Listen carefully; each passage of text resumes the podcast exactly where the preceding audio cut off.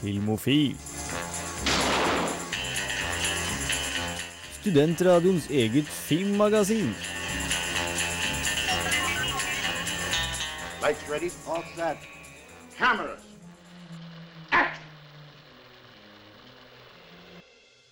Velkommen skal du være til nok en eh, deilig torsdag her med Filmofil på Radio Revolt FM 100 og 106,2.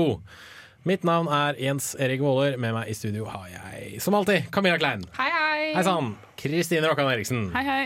Hei.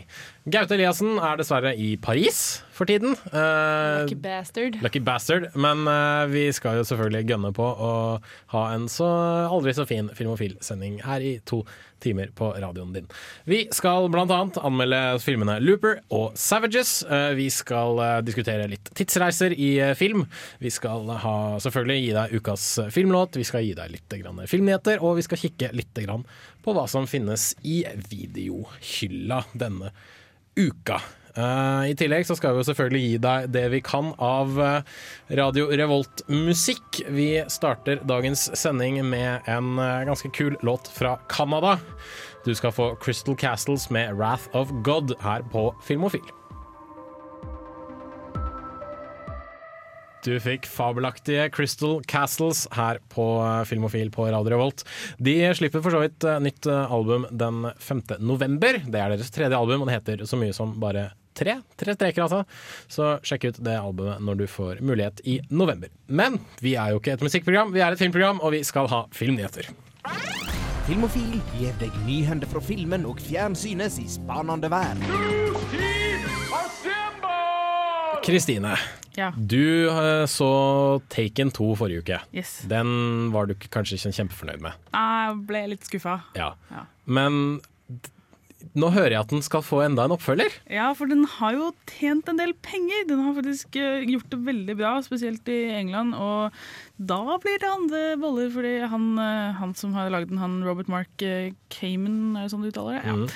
Han sa jo at det ikke ble noe treer, men så tjente de, tjente de jo litt penger. Selvfølgelig. Og da er det nå veldig sannsynlig at, at de får til en til en. Men hva sier Liam Neeson til dette her, da? Ja, Det vet vi ikke ennå. Jeg, jeg, jeg mener å huske at jeg hørte han i et intervju, kan hende at det var 'making of'-greia til Taken 1, at, eh, at han sa at du burde fokusere på dattera, kanskje. I neste installment. Og det, Hvis de hadde gjort det, så kan de kanskje lage en slags franchise ut av det. Kanskje han dør, og så tar datteren hevn? Ja, For eksempel, da. Eller sånn som eh, noen her sier eh, 'Taken 3, not taken'. Not taken, ja. ja. Eventuelt eh, Ja, vet du hva. Nei, jeg kan kjøre en sånn Quaigon Gin-greie. ikke sant? Han trener opp datteren sin, så dør han, og så må datteren ta hevn. Ikke sant? Det ja. funker, det. Kan funke. Uh, ellers så kan vi nevne Vi drar tilbake litt til Norge. Fordi han som skapte Trolljegeren, André Øvredal, skal nå gjøre et Hollywood-prosjekt. eh, eller også kalt eh, en stor monsterapokalypse. Eh, han skal lage en adaptasjon av tegneserien Enormous. Som rett og slett handler om at hva som skjer når menneskeheten blir slengt ned på den der klassiske naturens food chain. Når gigantiske beist og svære monstre kommer for å ødelegge sivilisasjonen. Så fra trollfilm til monsterfilm. Ja, det er jo monsterfilm er monsterfilm. Um, det de skal da gjøre, er at de skal fortelle historien delvis i en såkalt high end web-serie, for det har jo blitt all the rage etter The Guild og sånne ting uh, uh, nå i våre dager. De skal også lage en egen TV-serie og en spillefilm. Wow. Så det er jo ikke en måte på hvor mye penger de senker ned i dette prosjektet her, da. Uh, så det skal være gå for bred anleggelse av hele universet, og dermed liksom utforske hvordan folk reagerer og forsøker å overleve. Det jeg tenker på med en gang jeg hører store monstre inn i vår verden, er den filmen Mist. Eh, Har du sett den? Nei. Ja, det er litt sånn, den er ganske kul, eh, bort fra slutten, da, som er dritteit, men eh, At det er liksom en slags hull jeg vet ikke, til en annen dimensjon, og så kommer det sånne enorme dyr ut. da. Stilig. Bortsett fra slutten, da. Ja, Som jeg ikke skal spoile. Men da får vi håpe da at André Øvredal klarer å komme med noe av denne magien han hadde med Trolljegeren. For jeg syns Trolljegeren var en fantastisk kul film. Eh, det syntes tekniker Jonas også, for han sitter og hopper opp og ned i studio der. Um, så vi får rett og slett bare håpe at uh, nok en nordmann klarer å overleve Hollywood-maskineriet. Det virker som om Tommy Wirkola har klart seg ganske greit med denne Hansel and Gretel Witch Hunters, så vi får jo bare holde fingra kryssa. Og helt til slutt, Kristine, så hadde du noe om eh, knøttene. Ja, eller peanuts, som de Ja, heter. for de er jeg veldig glad i. Ja, så bra. Jeg har ikke noe særlig. Jeg, har, jeg veit jo om du har lest litt om det, men, men nå skal det i hvert fall bli storfilm av dem. Mm. Da har eh, 20th Century Fox har eh, kjøpt opp eh, rettighetene, og eh, det er da barnebarnet Nei, sønnen og barnebarnet til han Scholz eh, som skrev Peanuts, Ja. eh, har skrevet eh, eh, scripten, og den skal bli regissert av Steve, Steve eh, Martino, som har lagd eh, Ice Age Continental Drift og eh, Horton Hears A Who. Oh. Så dette her blir sannsynligvis noe sånn animert uh, 3D-greier. Ja, altså Jeg liker jo det at de har det i familien, at det Mm. er Schultz-gutta som gjør det, men regissøren har ikke akkurat laget toppfilmer, Nei. for å si det sånn. Nei, vi får se. Jeg, jeg, altså, jeg har jo sett litt av Peanuts, men jeg, har ikke noe sånn, jeg kommer ikke til å bli helt ødelagt hvis det ikke er bra. Nei, så- Det kommer jeg til å bli. Det kan jeg nesten garantere. Åh. Det var vår første runde med filmnyheter, det. Men vi skal jo selvfølgelig gi deg litt flere filmnyheter eh, etterpå. Eh, aller først så skal du få høre SCOE med Thank You featuring Kendrick Lamar her på Filmofil. Reminiscing when we used to smoke while Du eh, hørte SCOE med Thank You featuring Kendrick Lamar her på eh, Filmofil. Og vi i Filmofil, eller vi i Radio Revolt generelt, er veldig glad i Kendrick Lamar. Jeg tror vi har sånn fire låter på A-lista som er med Kendrick eh, Lamar. Men som sagt, vi skal ha filmnyheter igjen. Filmofil gir deg nyhender fra filmen og fjernsynets i spanende vær. Camilla, du har noen litt morsomme nyheter relatert til Hobbiten. Ja, stemmer. Det Det var egentlig mer fun fact enn nyheter, egentlig. Ja, Eh, litt nyhet, du kan ha litt moro. Det har nyhetsverdi, da. absolutt det. Eh, Det viser seg at ære for, og som antakeligvis et PR-stunt, så skal Yes, som alltid. eh, Så skal Wellington i New Zealand ta også bytte navn i, i eh, Altså i sammenheng med Hobbiten. Hobbiten-premieren. Okay. Så de skal bytte navn til The Middle of Middle Earth eh, tre uker før og, og, og tre uker etter. Altså, de skal gå tilbake til å hete Wellington etter, etterpå, altså. Ja, jeg forsto det sånn. Ja, ok. Ja, hva syns du om dette her? Er, er, altså, jeg syns det er awesome. Jeg syns det er dritkult. Jeg syns heller de burde ha valgt et navn, altså Rivendell Ja, eller de burde valgt et navn eller- fra Ringenes herre. Ja, jeg tenkte jeg skulle si noe sånt The Shire eller noe sånt. Nok. Liksom. Det hadde vært kult. ja, ikke sant? Eller Hobbiten, bare. Hobbiten, ja. ja. Hvorfor ikke? Men det, Mm, det er et sykt kult konsept, da. eh, og det gir jo litt mening for det, liksom. Ja, ja, det viser jo at de har, the middle of Middle Earth. og de har jo omfavnet Ringenes Veldig herre-greiene. stor også. grad, veldig stor grad. Så det er dritkult. Eh, kudos fra meg til dem. Veldig morsomt. Så får vi håpe at det blir en uh, suksess, men det er jo Hobbiten, så det blir det nok eh, Ja, helt sikkert. Kristine, Ja, jeg har en eh, kanskje ikke så glad nyhet for de som eh, Ja, for, for de som er glad i god litteratur. ja, for eksempel. Uh, vi veit jo det at uh, Fifty Shades of Grey skal komme til storskjermen. Ja, det er det, skal jo bli, det skal jo bli den nye Twilight. Ja, Det går ikke an å unngå den eh, Og nå har vi kommet ett steg videre, for nå har de funnet en som skal skrive eh, manuset. Ok, det- Er det en mann eller en kvinne? Det er eh, Kelly Marcel. Kelly kan vel være mannens navn òg, men eh, jeg tror det er en kvinne. Eh, Og hun har skrevet eh, Terranova og Saving Mr. Bank, som ikke har kommet ut ennå. Hmm. Eh, Så jeg veit veldig lite om henne. Jeg veit ingenting, men Nei. de sier da, de, eh, produsenten sier at vi var veldig ja, Vi kan si, jeg kan si det på engelsk. We were all taken with the depth and passion of Kellys engagement with the characters. Så okay. Det lover veldig bra. Er det noen her som har lest Fifty Shades of Grey? Nope. Not if I can help it. Nei, Jeg har sett litt uh, Terranova. Det er relativt kult, så jeg vet ikke helt. Kan jo hende at Terra har handler jo om dinosaurer. Ja, men uh, Fifty Shades of Grey handler jo om sant, veldig puling. sant. Det er noe helt annet. Men igjen, det kan hende at hvis du klarer å bringe noe av de elementene som var appellerende med Terranova, så så ja. Hvem skal spille Christian Grey, da? Aner ikke. Nei, men liksom, alle, jeg ser sånne blogginnlegg overalt som har sin versjon liksom, med sine skuespillere. Hvordan er den karakteren her, da? Forklar den. peiling. Han er jo, han er jo altså, Han, sånn han er dominant. rik, og så er han dominerende, Ja. og, så, og så det er det. Jeg kunne vært Christian Bale. Ja. Faktisk. Det Bare kjøre, Da- bare da kjøre, hadde jeg bare kjøre full American Psycho-modus. Ja, Ja. Norman Bateman. Ja. Ferdig med det. Ja, det da, da ringer jeg Christian Bale i, morgen jeg, og sier at han bør spille i Fifty Shades Grey. Eh, helt, helt, helt til eh, slutt så kan vi jo påpeke det at eh, vitenskapen har nå gjort en potensiell Jurassic Park totalt umulig. For, ja, for det var jo mulig å skape Jurassic Park. Ja, ja. Det de nå har kommet fram til, er at DNA har et såkalt half-life på 521 år.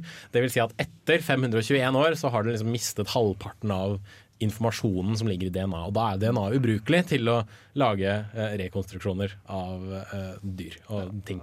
Så Fuck dem, da. Herregud. kjipt. Ja, Ingen nei. dinosaurer. Nei, Det er drit- veldig dumt. Drit i det her. Hvem er det som forsker på å gjøre filmer som er herlig umulig? Det er Nei, det er, onde Jeg mennesker. vet ikke, alle, alle ville jo ha et sånn der hoverboard etter at eh, Back to the Future 2 kom vi ut. har jo noen år på oss. er Ikke? Ja, ikke sant? Det er tre år igjen, så vi kan krysse fingrene for at Steven Spielberg lager sånn 17 Jaws-filmer i løpet av de tre årene. Han er jo produktiv, så hei. Ja. Så du som hadde håpet at du kunne ri på en uh, pterodaktyl eller et eller annet sånt til skolen, du må nok dessverre ta sykkel eller buss som alle andre.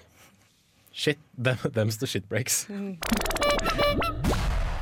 Det var det vi hadde av filmnyheter for denne gang. Eh, Jeg følte at vi slutta på en litt sånn kjip tone. At Jurassic Park ikke kan eksistere og sånt. Men ja, ja. Eh, Her skal du få Orange Revival med Ever, og etterpå så skal vi høre litt eh, fra ukas kinopremierer.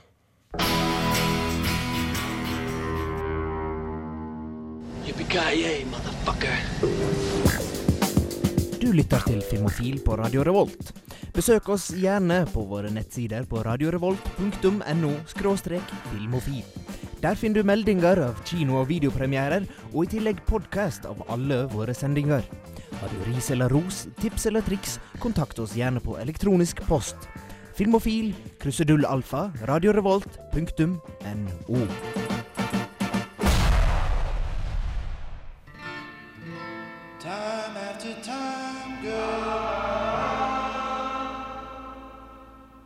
Alalas hørte du der med Sandy her på Filmofil, og før det så fikk du Orange Revival med låta som het så mye som Ever her på Filmofil på Radio Holt.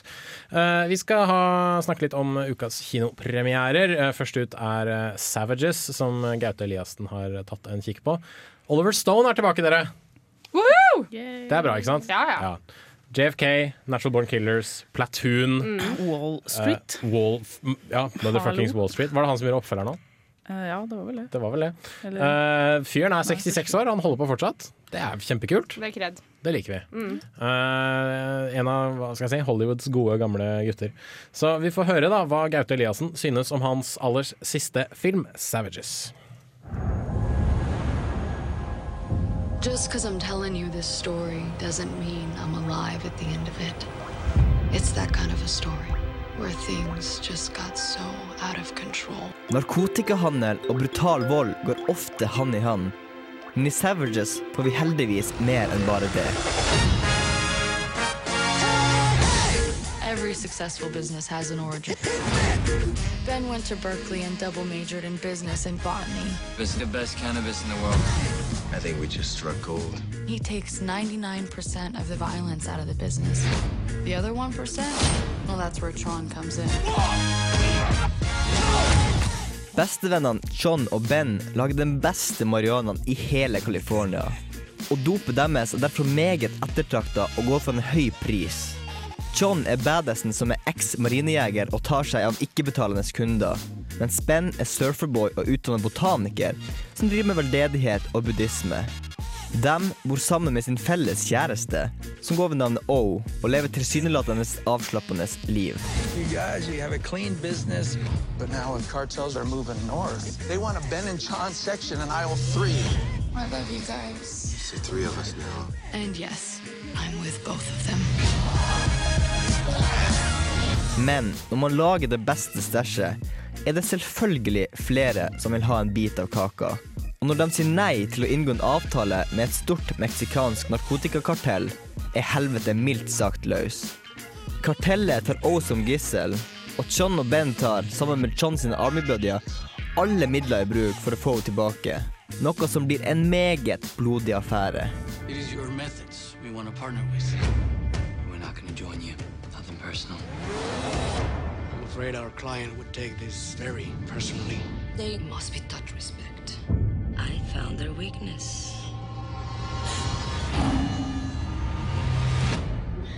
Oh my God. I'd take the deal instead of decapitation. Get your car, girl, and I will do anything, anything to get her back. You stabbed a federal agent! I narkotikaindustrien kan ingen stole på noen, og man vet aldri hvem som har overtaket. Her drepes folk som flue, og hjernemasse blir spredd til alle kanter. Men iblant all volden har vi alle de gode karakterer som driver handlinga, og gjør at man blir kjent med dem. Det her gjør at man får sympati for mange av karakterene, som igjen gjør at man lettere tror på handlingene som blir utført. Benicio del Toro er f.eks. perfekt som den nådeløse skurken Lado. Han gjør de verste ting uten et snev av anger.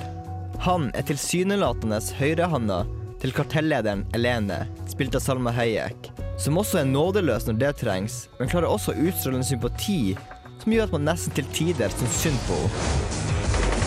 Seven of my men dead? I told you they'd come for me. Stop. Let me remind you that if I had to, I wouldn't have a problem cutting both their throats. Savages føles komplett og gjennomført. Den viser også at ikke alle i narkotikaindustrien utvikler seg til å bli kyniske og sjelløse, som bare bryr seg om penger og dop.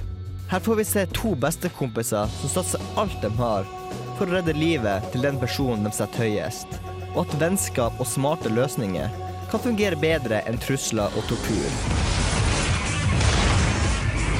You let people think you're weak. Sooner or later,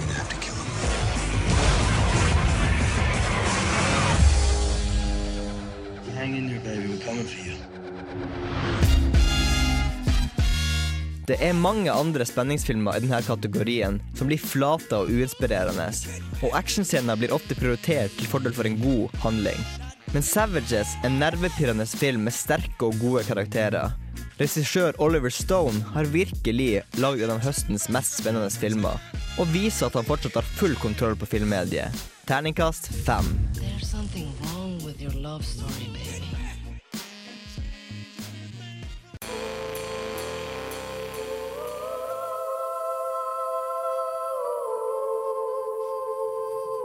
Erlend Elvesveen der altså, med 'Betal meg i sølv', en låt han har spilt inn sammen med Amana.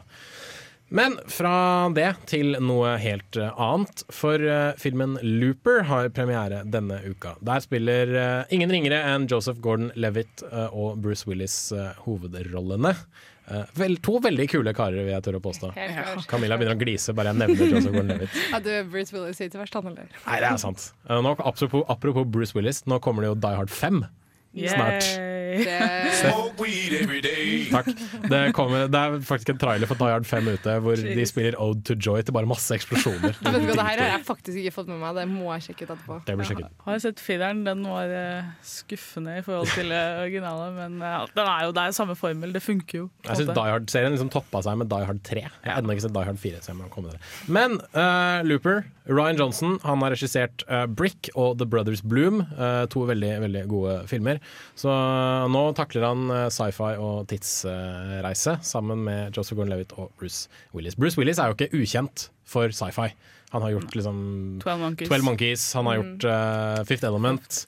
Uh, den derre Den relativt nye Faen, hva heter den igjen? Hvor at de ikke er i sine egne Ja, nettopp! Ja. Herregud, nå står det stille på meg, altså. Um, uh, eh, eh, eh, eh, Nå må vi finne. Se, nå, nå slår Filmofil i hjel tida, sånn at vi kan finne ut av hva det, hva det heter. Um, Jesus Christ, altså. Nå skjønner jeg ikke hvorfor det står så stille for meg. Surrogates! Surrogates, Ja, ah, shit. der Boom! Forsken, den gjorde vond, altså. Også en ganske god film. Men han godeste Joseph Gordon-Levitt er jo litt ukjent for sci-fi, bortsett fra Third Rock from the Sun. Det var Mm. litt sci-fi, for de var romvesener. Mm. Eh, Kristine, er, syns, klarer han seg? I den her? Ja. Ja. Uten å avsløre for mye før vi hører ja. anmeldelsen. Altså, han er, altså, de spiller jo samme person. De spiller jo hverandre, ja. Ja, Det er det som er poenget. Så han har Jeg, for meg, altså, jeg greide ikke helt å se gjennom den derre Han har jo en sånn fake nese, for han skal ligne ekstra på Bruce Willis. Mm. Og det, det er litt ekkelt i starten, for det blir helt sånn Faen heller, det er jo ikke, det er jo ikke Joseph Gordon-Levitt. Det der er helt, det er en helt creepy fyr med altfor mørke øyenbryn. Men eh, nei, han spiller absolutt Jeg gleder meg like masse, ja, jeg gleder meg masse til å høre anmeldelsen her nå, for jeg, jeg syns også han er en veldig, veldig god, dyk, dyktig skuespiller. Han er Mm, jeg gleder meg til å se filmen, Ja, ikke minst. ikke minst. Uh, For da, med en gang jeg så traileren, så tenkte jeg holy shit, dette er noe jeg må Ja, se. helt klart. Tror jeg blir kjempebra. Vi skal høre hva Kristine synes om Looper, som har premiere til helga. Time travel has not yet been invented. But 30 years from now, it will have been. Klokka nærmer seg halv tolv. En mann med hagle står midt i en åker. Når klokken slår nøyaktig halv, sitter det plutselig en bundet mann på bakken.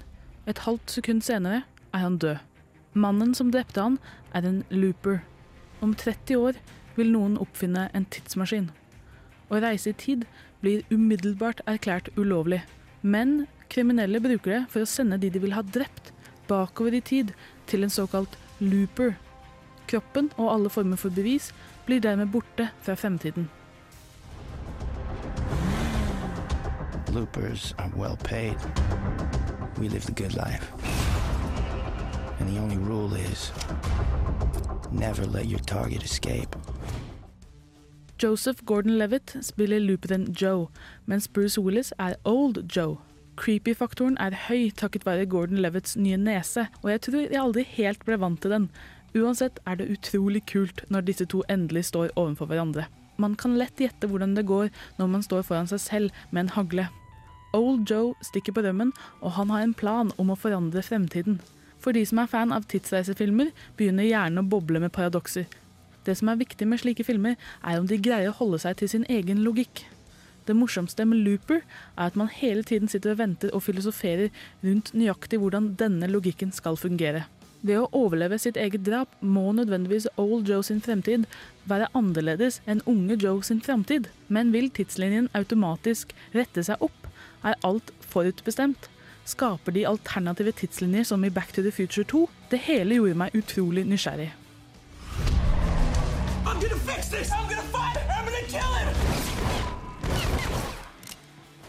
Både Joseph Gordon-Levitt og Bruce Willis imponerer stort, noe som kanskje ikke er altfor overraskende. Det som var litt uventet, var den forfriskende sterke kvinnerollen Sarah, spilt av Emily Blunt.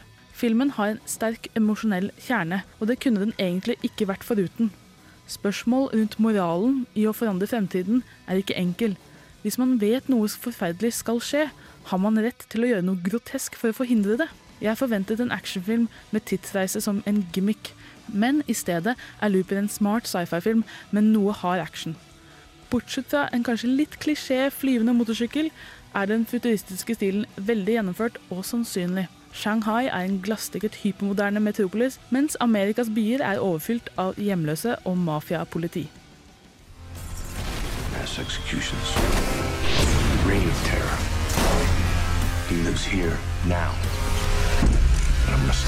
None of this concerns me. This is gonna happen to you. It happened to you. It doesn't have to happen to me.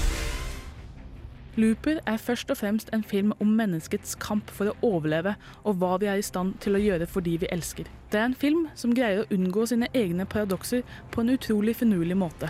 Og man må bare være takknemlig for at slike filmer enda blir laget. Det er nok ikke årets Inception, men den holdt meg spikret til stolen fra start til slutt. Terningkast fem.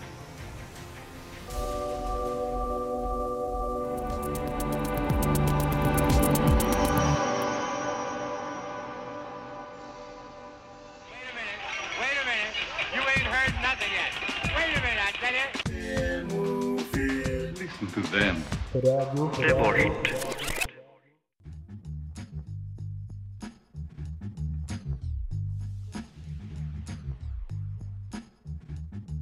Play it once, Sam.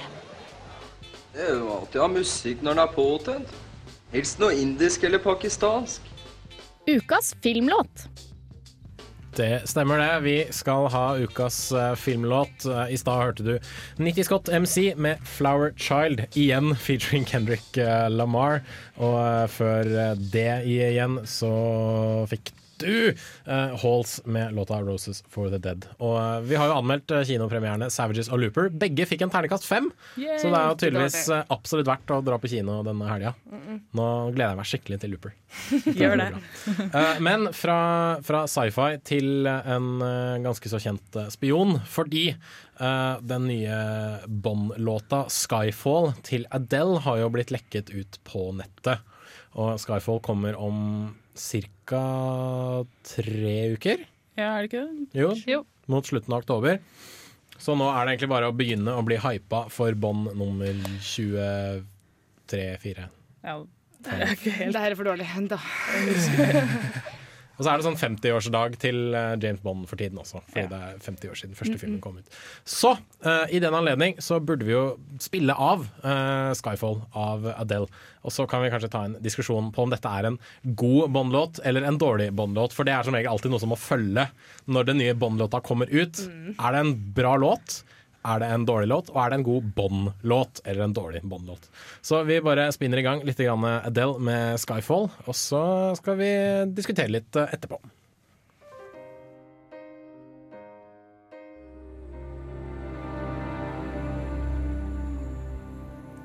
Adele med 'Skyfall' fikk du der på Filmofil på Radio Revolt. Den, det er ukas filmlåt, og det er også den nye Bond-låta. Og eh, ja, jenter, dette likte vi. Den likte vi. Dette likte vi skikkelig godt. Ja, nå gleder jeg meg dritmye. Jeg kjente det kribla litt i kroppen på den siste tonen med de strykerne. Sånn. Mm. OK, bra låt, Ja. og desidert en god Bond-låt. Ja. Mm. Bedre som Bond-låt enn selvstendig låt, hvis du skjønner hva jeg mener. Det er sånn, Ja. ja. Så jeg syns absolutt den satt stemninga. Den gikk litt tilbake til de gamle Bond-sangene, og så minte en del om eh, Goldfinger. Mm. Og det kan vi like. Absolutt. Kristine? Ja, helt enig. Det er veldig sånn golden eye-stemning. Og ja, den vekker sånn klassiske montager av kjerringer som faller i, Du kan, i liksom, silhuett. du kan se for deg Ja, hvordan åpningssekvensen kommer til å se ut. Uten tvil, og, og veldig Ja, jeg var liksom veldig skeptisk i starten, for jeg tenkte å nei, liksom, de velger Adele bare fordi hun er liksom Hot stuff. Hun er ganske hot nå. Ja. Men hun er jo en jækla er- god til å synge, da! Ikke sant, det er det. Altså, stemmen hennes er veldig rett for Ja. sånn her type låt også. Litt sånn innrøyka, Ja, sensuell type sound. Ja. Mm. Teksten var ikke så fantastisk, men det er liksom Bond-låt. Da tenker du ikke på teksten så veldig mye. Nei. Du hører bare den der Skyfall om igjen, om igjen, om igjen. om igjen Så hvor mange ganger var det? Jeg vet ikke. Men, 15. Jeg vet ikke. Men uh, det var i hvert fall desidert bedre enn fjorårets, eller ikke fjorårets, men forrige Bond-låt. Den der horrible Jack White, uh, Alicia Den ble jeg så Keys-låta. skuffa av, fordi helt i begynnelsen så minner det veldig om den der klassiske Bond-themen, Ja. og så bare ødelegger de fullstendig. Åh. Den, for den igjen kan man si litt motsatt av. Jeg syns det er en helt OK sang, men den er dårlig som en Bond-sang. Ja, det er jeg absolutt enig i. Uh, jeg tror kanskje den verste er Madonna. da Madonna på autotune, Mm. som synger om at du skal dø enda en dag. Ja, ja. bra ille. Ikke noe sånn kjempeherlig del av det. Jeg har aldri vært noen fan av eh, Moonraker-sangen heller, men eh, det er bare fordi filmen kanskje er så dritdårlig. Ja. Laserpistoler i verdensrommet, det er jo gøy det, da! Hvorfor ikke? Og ikke minst den helt på slutten. I think he's attempting re-entry når de skal ha sex oppå dette romskipet. Ja. Get it? Drunch. Men uansett, Adele med 'Skyfall'. Vi er glad i låta. Yes. Vi gleder oss skikkelig til filmen. Eh, jeg skal i hvert fall høre på den her x antall ganger igjen, i hvert fall. Helt klart. Ja. Så eh, da får vi bare håpe at uh, 'Skyfall' blir en kul Bond-film. For uh, den forrige var jo litt skuffende. Veldig. Men uh, nå håper jeg at de kanskje går litt tilbake til ja, røttene igjen, da, sånn som de gjorde med, med den uh, Casino Royale. Ja. Så uh, vi får jo bare krysse, krysse fingra og håpe på det aller beste. Og Daniel Craig er jo en kul Bond. Han er helt Han klart er en- awesome. Ja, han er en veldig god Bond, faktisk. Og jeg hater de som var skeptiske mot hårfargen hans. skal være Jeg, jeg var en av dem skeptiske, men jeg har gitt meg. Nydelig. Da kan vi konkludere med akkurat det. Daniel Craig er en bra James Bond. Vi skal ha litt grann videonytt etter at du har fått høre 'Pinsamt' med Demontever her på Filmofil.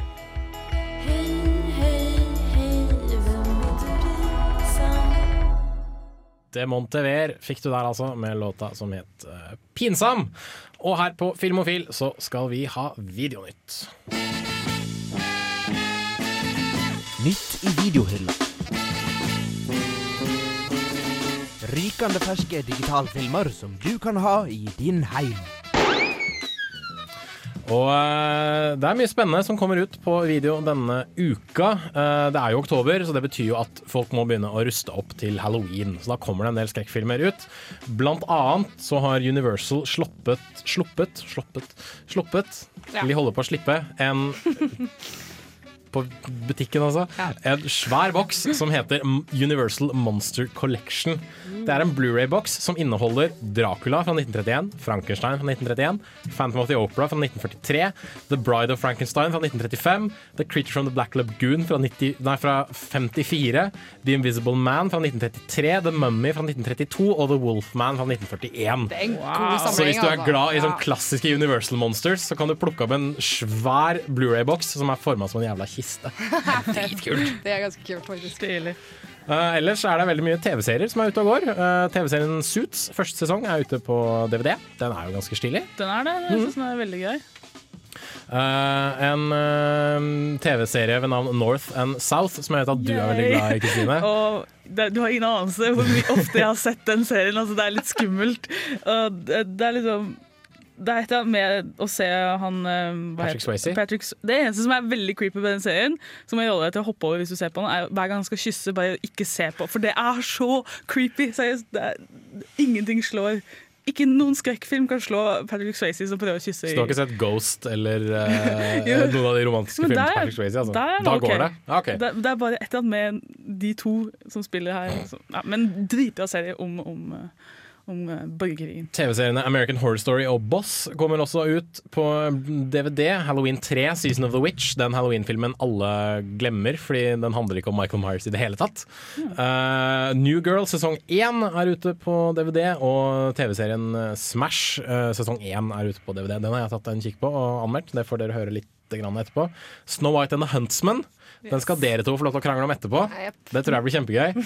Uh, True Blood sesong én til fire. 1 til 4 er ute i en samleboks. Så-filmene 1 til 7 er ute i en samleboks. Uh, Så 1 er den gode, de andre kan du drite i. Ja. Um, og uh, noe mer? Jo da, det er en komplett Varg Veum-boks ute som har blitt sluppet fra SF Norge. Um, jeg har ikke noe forhold til Varg Veum-filmene. Nei. Det er helt greit, det. Men uh, vår kjære anmelder Kristian Valervann tok i det minste en kikk på uh, Varg Veum-filmen 'De døde har det godt', så vi får høre om de har det så bra eller ikke, disse døde. ut fra hans mening. Uh, men det var jo egentlig det vi hadde å trekke fram av ukas videopremierer.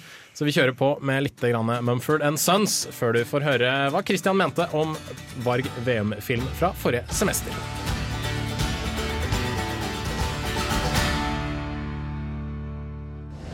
Yippee-ki-yay, motherfucker. Du lytter til Filmofil på Radio Revolt. Besøk oss gjerne på våre nettsider på radiorevolt.no filmofil. Der finner du meldinger av kino- og videopremierer, og i tillegg podkast av alle våre sendinger. Har du ris eller ros, tips eller triks, kontakt oss gjerne på elektronisk post. Filmofil, krusedullalfa, radiorevolt.no.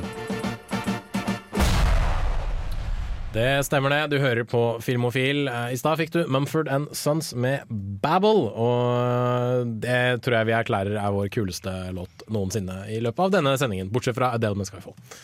Ja. Men uh, Varg VM-boksen den er ute på uh, video denne uka, så derfor syns jeg vi bør høre litt hva Christian mente om Varg VM-filmen 'De døde har det godt'. Hva tror du er inni den der? Kan være tunfisk. Eller så kan det være småjenter på jakt etter et bedre liv. Det er noen som finansierer menneskesmugling, og de gjør det herfra. Fra Bergen. Trond Espen Seim vender tilbake for tiende gang som privatdetektiven Varg Veum i De døde har det godt. Denne gangen etterforsker Varg hvordan unge jenter som søker asyl i Bergen, mystisk forsvinner fra systemet. Saken viser seg å gå dypere enn antatt, og Varg må kjempe mot tid og andre hindringer for at flere jenter ikke skal forsvinne.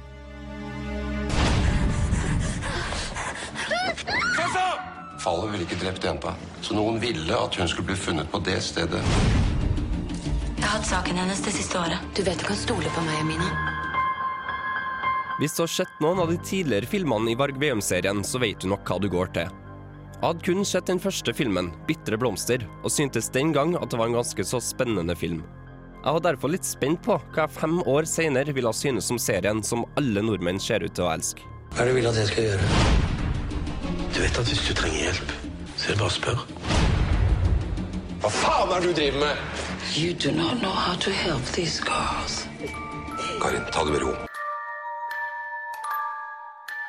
Det jeg nå sitter igjen med etter å ha sett De døde har det godt, er at spenningsnivået var veldig lavt med tanke på at dette var en film innen krimsjangeren. Det er ikke det at historien var forutsigbar, men kanskje mer det at jeg aldri ble fanga inn i den. Om en skal skylde på forfatteren av boka, eller manusforfatter og regissør, er litt vanskelig å si. Men ikke en eneste gang i løpet av filmen fikk jeg den herlige følelsen av nakkehår som reiser seg. Det at de døde har det godt, ikke helt greid å vekke interessen i meg, er nok òg litt pga. skuespillerprestasjonene. Jo da, både Trond Espen Seim og Bjørn Floberg gjør en god jobb, men jeg synes ikke Lene Nystrøm passer inn her. Skuespillet virka falskt, og det ble et lite irritasjonsmoment for min del. Det er noe galt med denne rapporten. Det stemmer ikke.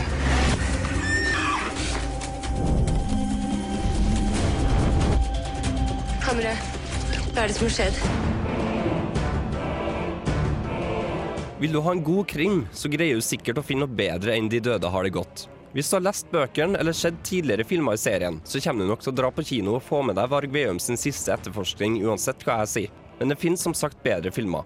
Men også verre. Produksjonsverdien var god, og det var ikke sånn at jeg satt og kjeda meg i 90 minutter. Men en god produksjon gjør ikke opp for en krim som ikke er spennende. Terningkast tre. Det er musikk, de Harry Fraud.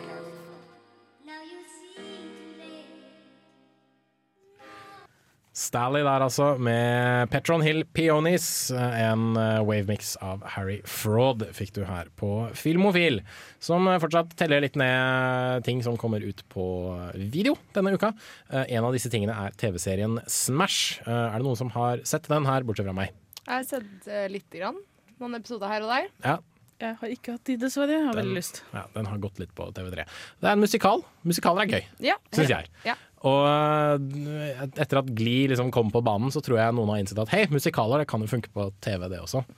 Uh, bortsett fra at Glee prøver liksom å være morsom. Smash er veldig sånn Vi skal være litt, litt kjipere, vi. Vi skal være dramamusikal. Mm. Men uh, det funker sånn, sånn høvelig greit. Mm. Så her får du min anmeldelse av TV-serien Smash sesong 1, som nå er ute på DVD.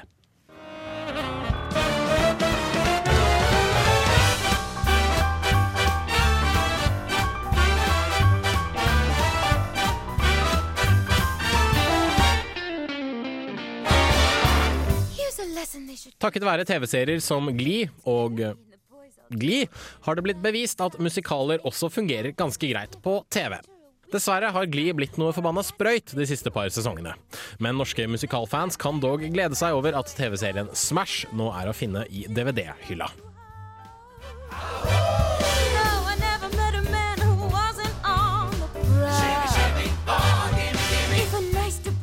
Smash tar for seg det harde livet bak kulissene på en Broadway-musikal. Manusforfatteren Julia, spilt av Deborah Messing, og komponisten Tom, spilt av Christian Ball, får en briljant idé om å lage en musikal basert på livet til Marilyn Monroe. Sammen får de med seg en ivrig produsent, en vanskelig og krevende regissør og to like talentfulle skuespillere som kjemper om rollen som Marilyn. Dette fører selvsagt til intriger, kjærlighet, hat, svik, latter og god musikk i bøtter og spann. Not a girl with a hunger for fame and a face and a name to remember. Rollen som Marilyn står mellom den erfarne og streberske Ivy Lynn, spilt av Megan Hilty, og den talentfulle og naive Karen Cartwright, spilt av Catherine McPhee. Begge jentene spiller meget gode roller, og det er stilig å se så to forskjellige figurer forsøke å traktere samme hovedperson. Vi ser begge to slite med framføringer, koreografi og stemmeproblemer, i tillegg til emosjonelle problemer på hjemmebane.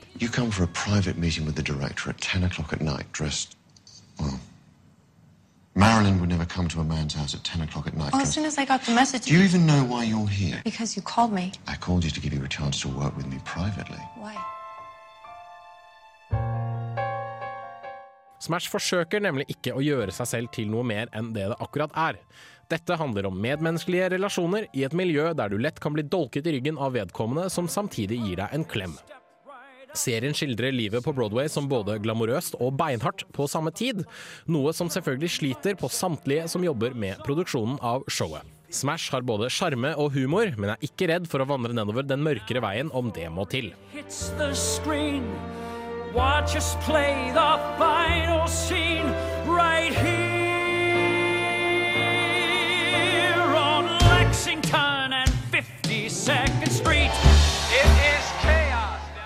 Det er forresten herlig å se en musikalserie som ikke tar for seg de samme sang- og dansenumrene vi har sett utallige ganger før. Brorparten av låtene som fremføres i Smash er komponert spesielt for serien, og reflekterer ulike sider av Marilyn Monroes personlighet. Fra den lettsindige, naive blondina til den beintøffe sexbomben som sliter med ødelagt følelsesliv og dopavhengighet. Låtene er catchy og minneverdig, og det skal ikke mye til før du tramper foten i takt med musikken som strømmer ut fra TV-skjermen. Smash har gitt meg en ny tro på at det er mulig å lage solid TV-drama som også er en musikal. Serien tar seg selv kanskje litt for seriøst til tider, og figurene kan ikke akkurat karakteriseres som dype, men den har allikevel nok solide øyeblikk og generell underholdningsverdi til at jeg gjerne ser mer.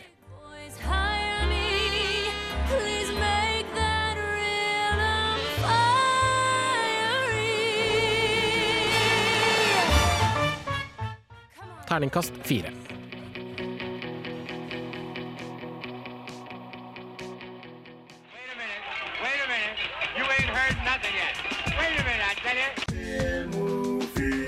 Listen to.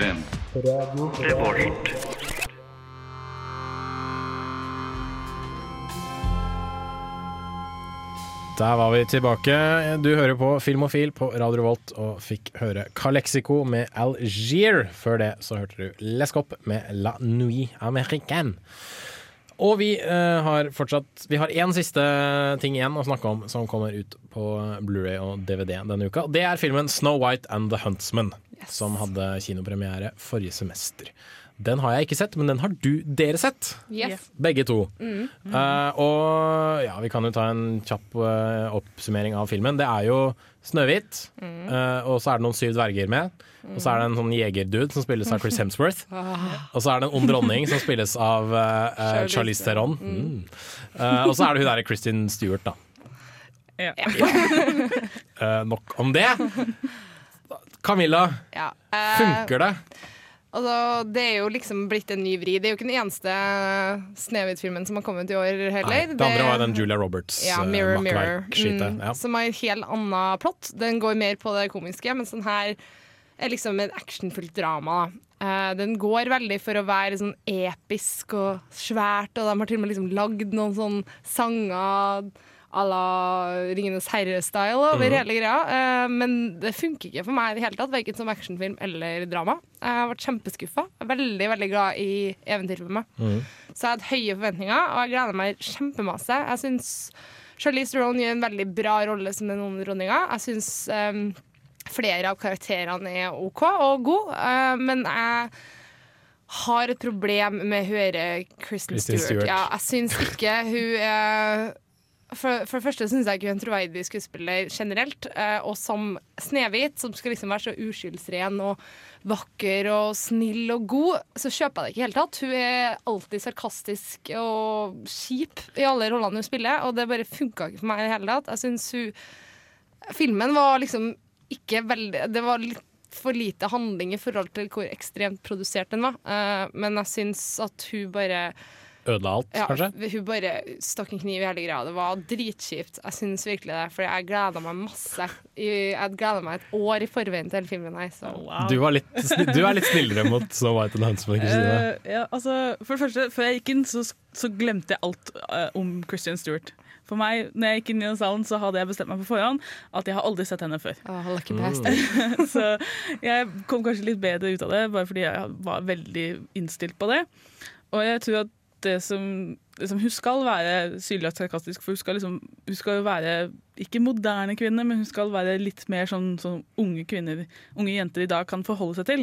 Så hun skal ikke være superrein og superpen og, Mm. og uskyldig på den måten. Du skal, jo være, du skal jo være superpen. Da. Du skal være the, the only one Ja, men hun er skitten. eh, Hun, er, hun, hun ja. har sittet i et tårn hele livet, og nå er jeg ute i skauen og driver og løper rundt og ja. Jeg vet ikke helt hva hun skal gjøre med seg. Nei, ikke sant? Mm. Så det er ikke, poenget er ikke Det her er en helt ny versjon av Snehvit. eh, Og det er veldig fokus på, på det å være pen, selvfølgelig, for det er det Charles, altså den onde dronningen vil. Hun skal være pen og vakker for evig tid. Og hun, hun er helt enig, hun, hun er dritbra, syns jeg. ja, ja, og broren. Som, altså, Ja, han veldig er så creepy og jeg, synes var, og jeg likte, jeg likte Chris Hemsworth, han spilte dritbra som full. Han, han, hadde. Han den mest herlige kommentaren i hele filmen.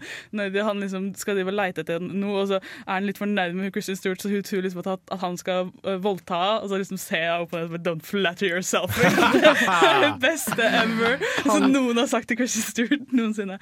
Men altså, likte jeg, jeg likte effektene, altså stilen på effektene. Måten liksom for eksempel Når hun, eh, dronninga er veldig sliten, og sånne ting, så blir hun sånn Hun er dekket av sånn, sånn tar and feathers nesten, og det er så ekkelt og creepy. Og så har du da i kontrast med den sånn eventyrverden som de kommer inn til når alle dyra Nesten som du forventer de skal begynne å synge. Ikke sant? Så det er veldig det er ikke så veldig bra film, det er det ikke, men jeg var ikke så streng som du. Nei, men altså, det var rett og slett fordi at den var den var så produsert, og det var liksom så bra på en måte alle aspekter. Loved en, en episk, dritbra, awesome film. Eh, og det bare svarte ikke til forventningene. Men en ting jeg hører dere ikke nevner, er jo disse syv dvergene, som spilles av bl.a. Ian McShane, Bob Hoskins, Ray Winstone, Nick Ja, Frost. Eddie Marson, Ja. Toby Jones. Det er jo fantastiske ja, skuespillere, de gutta her. Det var veldig, veldig bra. Ja, helt klart. Så Eh, det er liksom det gylne punktet i filmen, det kanskje? som var litt artig, jeg leste lest en artikkel om det nå i stad, eh, at eh, at eh, det var The Little People of eh, Showbiz har eh, tatt også uh, rasa mot filmen her, fordi at de ikke hadde noen dverger i rollene som dverger. Eh, det syns de var, Det var for litt- det gærent. Det var litt ekkelt å se, for du, med en gang så tenker du wow, det her er jo kjente folk. Liksom. Du kjenner dem igjen, så du må liksom skru over og tenke ok, det er, de er dverger. Ja. Mm. Men jeg, jeg tror det som virkelig fikk meg til å ikke like den filmen, her da, til å være streng mot den, og sånne ting, var, var slutten. egentlig. Jeg skal ikke spoile, men jeg synes bare de kunne ha kutta i hvert fall fem minutter av slutten. Agreed. Ikke sant? Agreed. Det, er det, det Helt- ødela helt utrolig klart. mye. Jeg satt Ja. der og tenkte ja, det var egentlig ganske ålreit eventyr. Sånn kul, kult lagd. Det er Selvfølgelig Christian Stewart kan gå ja, kan Kan godt ta seg en bolle. ja. Men de andre var greie nok, og så kommer det liksom bare «Ah, hva? Nå skal filmen ha vært over her, altså. Nå er det på tide. Ja, nei, det var det var for mye til for lite, rett og slett. Eh, hvis du skjønner hva jeg mener med det. Da kan vi kanskje konkludere med at uh, du må være litt i det riktige mindset Ja. for å like filmen. Og ignorere det. Du har sånne briller som ikke viser Kristen Stewart. Ja, ha Så- sånn Chris, Stewart-skylapper. Ja. Ja. Så vit hva du går til hvis du skal se Snow White and the Huntsman. Uh, jeg tror jeg bare låner den av noen jeg kjenner, Ja. så slipper jeg å bruke penger på det. Men eh, vi skal jo diskutere litt grann, eh, tidsreiser i eh, film, og tidsreisefilm generelt, og kanskje litt TV-serier også. Eh, etter at du har fått høre Cat Power med Silent Machine her på Filmofil på Radio Revolt FM 100 106,2. Come through its streets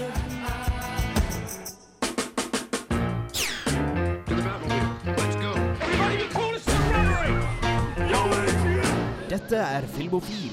Film, fjernsyn, skuespillere, kamera, action. Ja, rubb og stubb her på Radio Revolt. Stemmer det, du hører på Filmofil på Radio Revolt eh, FM 106,2, og du fikk Cat Power med Silent Machine.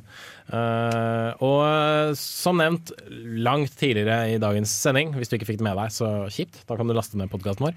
Eh, Looper er ute. Den handler om tidsreiser. Og filmer som handler om tidsreiser, de er litt, noen av dem er skikkelig bra, og noen av dem er skikkelig dårlige. Back to the Future. Jeg kaster forslag ut i luften og sier. Back to the Future. Det er best. Ja. Selv om de bryter liksom fysikkens lover med den tidsreisebilen og sånt.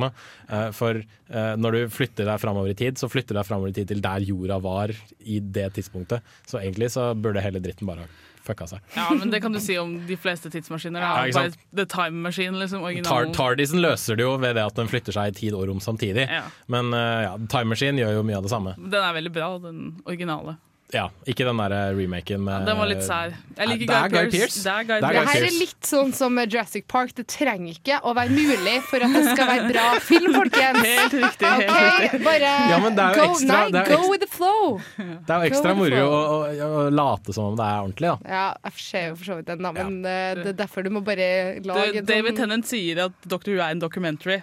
Så det er, det er fakta. Ja, The Time Machine. Fin film. Herlig film. Den originale. Ja. Eh, selv om Jeremy Irons er med i remaken, så Nei, altså, remaken er liksom Jeg likte de første vet ikke, 20 minutter av det, og så blir det bare veldig rart. mm. Det er kanskje, eller ikke The Time Machine er jo ikke det, da, men veldig ofte når, hvis man ser tidsreisefilm, så sitter man jo Ja, som du sa, Camilla, det er jo ikke, tidsreiser er jo ikke mulig. Nei. Men noen ganger så sitter du jo og vrir deg litt i håret av at uh, At enkelte ting bare ikke fungerer. Ja, at det er er liksom, helt de, de bryter med sin egen Ja. logikk, da. Ja, det, det er jeg for så vidt helt enig i. Og det, jeg synes det er der da at, at så lenge de holder seg til sin egen logikk, så går det fint. Men de trenger ikke å på en måte være vitenskapelig bevist in real life for at det skal kunne gå, for det går ikke. Nei, det er jo veldig lite i film som er Ja, men vitenskapelig eh, bevisst. og, i forhold til å krangle med det der med tid og rom, tenker jeg Så lenge de holder seg til sin egen policy, så går det her helt greit. Det er sant. Ja. Mm. Uh, nå glemte jeg hva jeg skulle si. Hadde du noe å si, Kristine? Uh, nei, jeg tenker på det er alltid interessant uh, når man setter seg ned for å se på en ny uh, time travel-film. Liksom, hvilken type time travel er det snakk om? Ja. Kan fremtiden, eh, fortiden bli endret? Eller er det sånn at du alltid dro tilbake, sånn som i Harry Potter? Ikke sant? At de alltid dro tilbake og redda Ja, altså, Mm. hvis, de drar, hvis de skal dra tilbake, så har det allerede skjedd. Ikke sant? Fordi ting foregår Det på går samme alltid i en tid. sirkel. og- Ja, ja, ja. Det var han i fremtida som redda dem, liksom. I, I nåtid og på en måte. Ja. Ja, fordi, fordi det allerede Ja. Sånn som i, Ja, ja. Gud. Bill and Teds uh, Adventure. Ikke sant? At de kan bare tenke OK, husk å legge noe akkurat der etterpå. Så finner vi så, så så finner de det der nå, ikke sant? Ja. fordi de planlegger at de en eller annen gang kommer til å gjøre det. Ergo de alltid har det tilbake. Mm. Ja. Uh, men hva da hvis man forandrer det som man drar tilbake for? For eksempel, da, en, hva, hva gjør du hvis du, du drar tilbake i tid, og så prøver du å etterforske en brann, og så er det du som forårsaker brannen? Da. Da, har du jo, da er du liksom tvunget til å Da Er du ikke det? sånn- Nei, kanskje ikke. Ja, du får jo sånne bestefar-paradokser, eller bootstrap-paradokser. er også Ja. typisk, for eksempel, Det digger jeg i, i alle typer time travel. Liksom, hvor informasjonen kommer fra. Altså, det er bootstrap at du liksom Hvis jeg er tilbake og gir uh, ideen til liksom, Mona Lisa til Leonardo da Vinci Mm. og Bare fordi jeg veit at han har lagd den, hvem har egentlig da laget den ideen? Yes. Ja, ja, ja. Det er akkurat sånn som de gjør i dere Uh, Midnight in eh, Paris. Ja. Uh, der har han jo liksom Han Ja. sier 'ja, OK, jeg har en idé til en film', og det er menneskene som ikke kommer seg vekk fra Eller i Back to the Future med Chuck Berry. Som Ja, hører på. hvor han, eh, ja. Og eh, jeg husker at uh, Family Guy gjorde en ganske bra spoof på det, hvor de spiller 'Never Gonna Give You Up' av Rick Astley. Og en fyr ringer Rick Astley sin altså Han er Rick Astley sin fetter, og han ringer Rick Astley og sier 'Hey Rick, it's your cousin Marvin'. Husker du den generiske sounden du leter etter? Og så holder han opp mikrofonen. Takk, Jonas. uh, altså, time travel kan være veldig morsomt òg. For eksempel Austin Powers-filmene er jo ja, ja, geniale. det er Og de, de, sier jo liksom, de sier jo bare at drit i alt som har med liksom tidsreiseregler å gjøre, og bare kjør på. bare Len deg tilbake og ha det gøy. Mm. Kanskje det er det vi skal konkludere med når det gjelder tidsreisefilm. Så lenge du ikke bryter din egen logikk, så kan du ha det gøy. Ja. Ja. Men uh, vi skal snakke litt mer om det. Vi kan anbefale litt tidsreisefilm. Jeg har jo allerede nevnt Back to the Future, men vi kan jo se om vi klarer å grave litt opp og finne et par andre ting. Uh, etter at vi har hørt Two Door Cinema Club med Settle her på Filmofil. Two Door Cinema Club fikk du der altså med Settle her på Filmofil. Og Camilla kommer hinkende inn i studio, for hun uh, måtte en tur på toalettet. Det er ikke greit å være invalid, er det vel, Camilla? Det er ganske kjedelig, ja. For de som ikke vet det, og det vet du jo selvfølgelig ikke, for du hører jo på oss, du ser oss ikke. Camilla har dessverre brukket foten. Ja, Ja, Men uh, vi setter jo veldig stor pris på at du kommer på Filmofil-sending uansett. selvfølgelig. Skulle bare mangle. Ja, du trenger jo ikke stå så mye opp i deg selv, du kan jo bare sitte og snakke. Kjempegreit. Uh, filmer om tidsreise. Back to the Future nevnte jeg. Eh, jeg vil trekke fram eh, en film som eh, jeg syns er kjempekul. Fordi den foregår på min bursdag, nemlig Groundhog Day. Nice. Ja, 2. februar, da er jeg født. Og det er Groundhog Day, og filmen Groundhog Day handler om Groundhog Day, hvor Bill Murray stadig reiser tilbake til en ny Groundhog Day hver eneste Yes. dag. Så han får gjenoppleve min bursdag x antall ganger. Det syns jeg er gøy. Det er en veldig kul film òg. Det er det. Øh, er det sånn Du pleier å sette på den sangen som alltid begynner på radioen. Jeg husker ikke hvem det er. Hver morgen så begynner radioen på samme sang.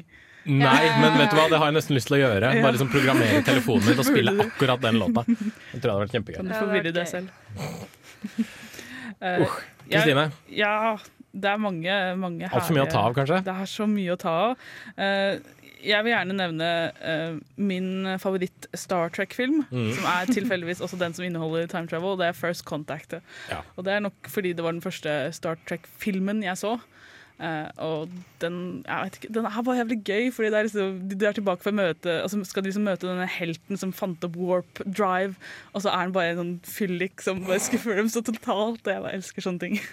For det er den første Next Generation-filmen. Nei, det er vel Generation som er den første den som de Altså den som på en måte Hvor både Kirk og Picard er med. Ja, det er den, det er den overgangsfilmen. Ja, ja, Mm, det er sant. Men Mm. her er den første med bare next, ja, ja, Mm. med bare Picard-gjengen. Er du, glad, er du glad i sånn halvdårlig action, så anbefaler jeg også Timecop. Med godeste What's his face? Dolph Lundgren. Uh, i, uh, nei, Jean-Claude Van Damme. Ikke Dolph Ah, Lundgren. Jean-Claude Van Damme. Den litt dummere versjonen av Dolph Lundgren. Uh, I en litt sant. mer eh, romantisk uh, ende av uh, tidsreisens Spekter. spekter, ja. The Time Traveler's Wife. Ja! Ja, jeg, hører, jeg hører veldig mye fint om den. Hva, Den er faktisk veldig fin, og det er litt artig at det er hun Rachel McAdams, som jeg er veldig glad i. Jeg liker hun veldig godt. Jeg digger Eric Bana. Til ja, herregud. også. Ja, begge to. Veldig pene, veldig gode skuespillere. Um, men eh, jo, siden hun også har spilt i en veldig sånn klassisk uh, chick flick som heter The Notebook, som liksom er hylla som eh, den tristeste av de alle, uh, så spiller jeg også i The Time Traveler's Wife, hvor hun spiller kona til Eric Bana. Men det blir hun først senere. Det viser seg at han Eric Bana, som er hovedpersonen, han har en genfeil som gjør at han plutselig bare bytte Hopper i tid. Hopper i tid. Ja, det er ganske uten, uten, eh, uten noen frivillig eh, måte å gjøre det på. Ja, det er litt stilig. Så, så det er en genfeil i akkurat det her filmen. Da. Men det er en veldig fin film. Absolutt. Kult. Bortsett fra det faktum at teknisk sett så blir hun forelska i en mann som er voksen, og hun er veldig liten, Ja, og han er egentlig barn, ja. er litt sånn Mm. pedofilaktig. Ja, det det, er litt creepy. Men eh, bare ignorer den biten. Så hvis jeg ødela for noen. Nei, herregud. Jeg har ikke sett den. jeg. Jeg hører at jeg burde, burde plukke den opp. Uh, Terminator. Tidsreiser. Ja, ja, Terminator 1 og 2. De to andre kan bare ta seg en bolle. Ja. Um, jeg syns det, altså. Det er ikke Også selvfølgelig, Futurama er jo full av tidsreise, Mm. og Futurama gjør det jævlig kult. Uh, er du ute etter en, tidsre en tidsreisefilm som tar tidsreise fullstendig seriøst og sier at dette skal vi gjøre scientifically, sjekk ut Primer. Uh, og så, når du har sett Primer, se Primer igjen, for du kommer ikke til å skjønne det første gang. Uh, noen som har noe siste vi må bringe opp? Før uh, vi Planet of the Apes er jo et godt eksempel der. Eh, hvorvidt han egentlig havner på en annen planet, eller om han havner på jorda i både ena, toa altså, Mhm. etc. Eh, spørsmål man kan stille seg. Det er hopping i både tid og rom, eventuelt bare tid. Mm. Eh, så det er ganske interessant, og der kan man lage litt egne teorier ut av teorier. Ja. Mm. Jeg, jeg må bare få anmelde uh, Hvis du er Blackadder-fan, så kan det hende at du ikke har fått med deg at det fins en special som heter Blackadder Back and Forth, hvor han eh, bygger tidsmaskinen til Leonardo da Vinci og drar tilbake i tid og endrer litt på ting i sin favør, og det er dritmorsomt. Han gjør seg selv til, til statsminister eller noe sånt, gjør han ikke det? Ja. Eller konge eller et Han gjør masse rart, det er så gøy. Men ja, det er en fantastisk liten episode av en ganske fantastisk eh, serie. Så eh, der har du litt eh, tidsreisefilmanbefalinger hvis du er i sci-fi-hjørnet i eh, helga. Vi skal også anbefale litt eh, TV-serier. Vi har for gjort det litt allerede. Men vi skal ha ukas serieanbefaling etter at vi har hørt Angelicas Elegy med Vida.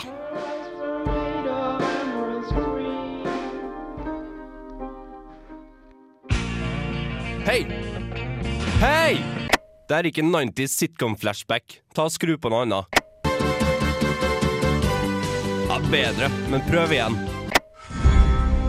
Der, ja! Ahem. Filmofil presenterer ukas serie.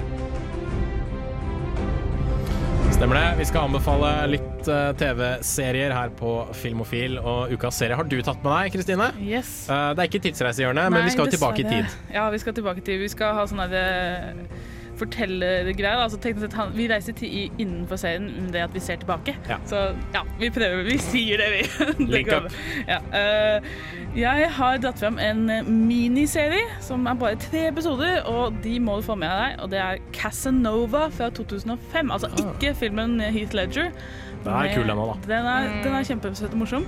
Det her er miniserien uh, med David Tennant. I, Som har eh, spilt Doctor Who. Som har spilt Doctor Who. Og Hamlet sammen med Patrick Stewart. Ja, veldig. Ja. Og han spiller nå Casanova.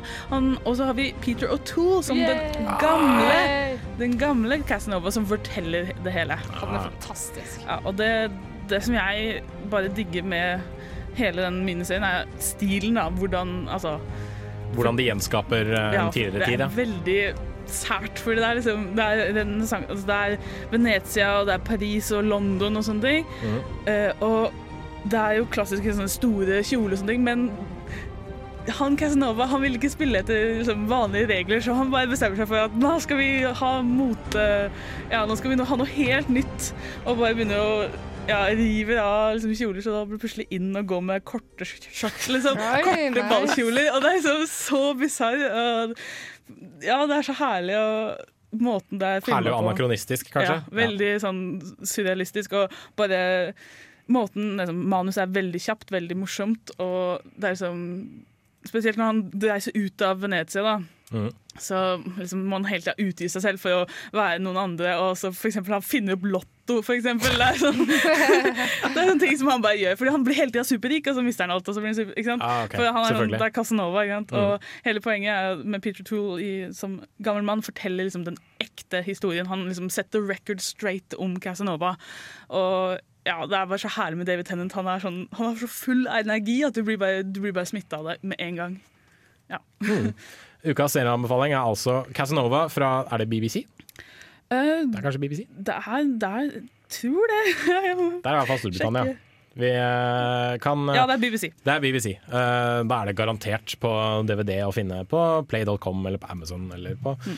eh, platekompaniet om du så vil det. Så sjekk ut Casanova. Jeg har sett litt av det sjøl. Syns det er veldig kult.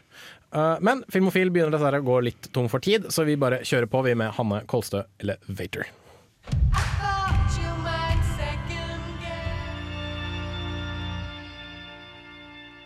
Roads? Where we're going, we don't need roads. Du hører på Filmofil på Radio Revolt. Det stemmer, du hører på Filmofil. Du hørte Hanne Kolstø med Elevator. Eh, og vi begynner å gå mot slutten, så vi kan ta en aldri så kjapp oppsummering. Savages, nye filmen til Oliver Stone, fikk en terningkast fem av uh, Gaute. Uh, Looper, nye filmen til Ryan Johnson, fikk en terningkast fem av Kristine. Så det er en veldig sterk uh, kinohelg, vil jeg påstå. På videosiden så fikk TV-serien Smash første sesong fikk en terningkast fire av meg. Det er absolutt verdt å se hvis du er glad i musikaler. Camilla likte ikke Snow White and the Huntsman, som er ute på Blu-ray og DVD. Kristine likte den litt mer, så kanskje kan kalle det en kald Altså, til det lunkeanbefaling. Kan eller- være en grei film å se, men uh, også det var Du bør vite hva det går til. Hvis du vil sikle over Chris Hemsworth, så, er det, så går det helt fint. Ja, ikke sant. Det kommer litt an på hva som eh, spiller rolle. Ja. Mm. Uh, men Chris Hemsworth er jo en veldig god skuespiller. Ja, han er det. Yes. Uh, ukas eh, Hæ? Nei, digg. Og kjekk? digg. Digg, ja. OK. Ja, greit. Eh, ukas serieanbefaling eh, kom Kristine med. Det var eh, Casanova fra BBC med godeste David Tennant i hovedrollen. Jeg liker David Tennant, så og hvis du liker kostymedrama, så er det jo bare å kjøre, Den er på. awesome, for selv om du ikke liker kostymedrama, bare fordi den er lagd på en sånn rar måte. Så såpass kort at den kan ses som en veldig lang film istedenfor. Mm. Mm.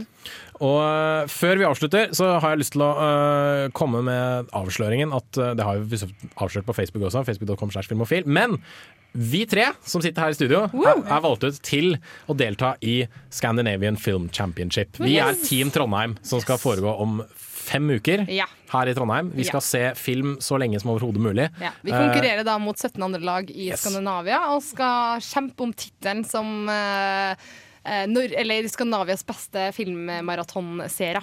Camilla håper på 90 timer. Jeg Jeg håper på skal greie det. Ja. Vi skal, vi skal er det ett er mesterskap jeg skal vinne i livet, så Ja. er det dette. Ja, altså. er, klart. så, jeg kjenner det på meg. Så gå inn på Facebooken vår og lik eh, oss som Team Trondheim, for vi trenger eh, support. Yes. Så vi kan eh, få leveranser av Mountain Dew og Cola og diverse andre ting når vi Ja. sitter og ser film.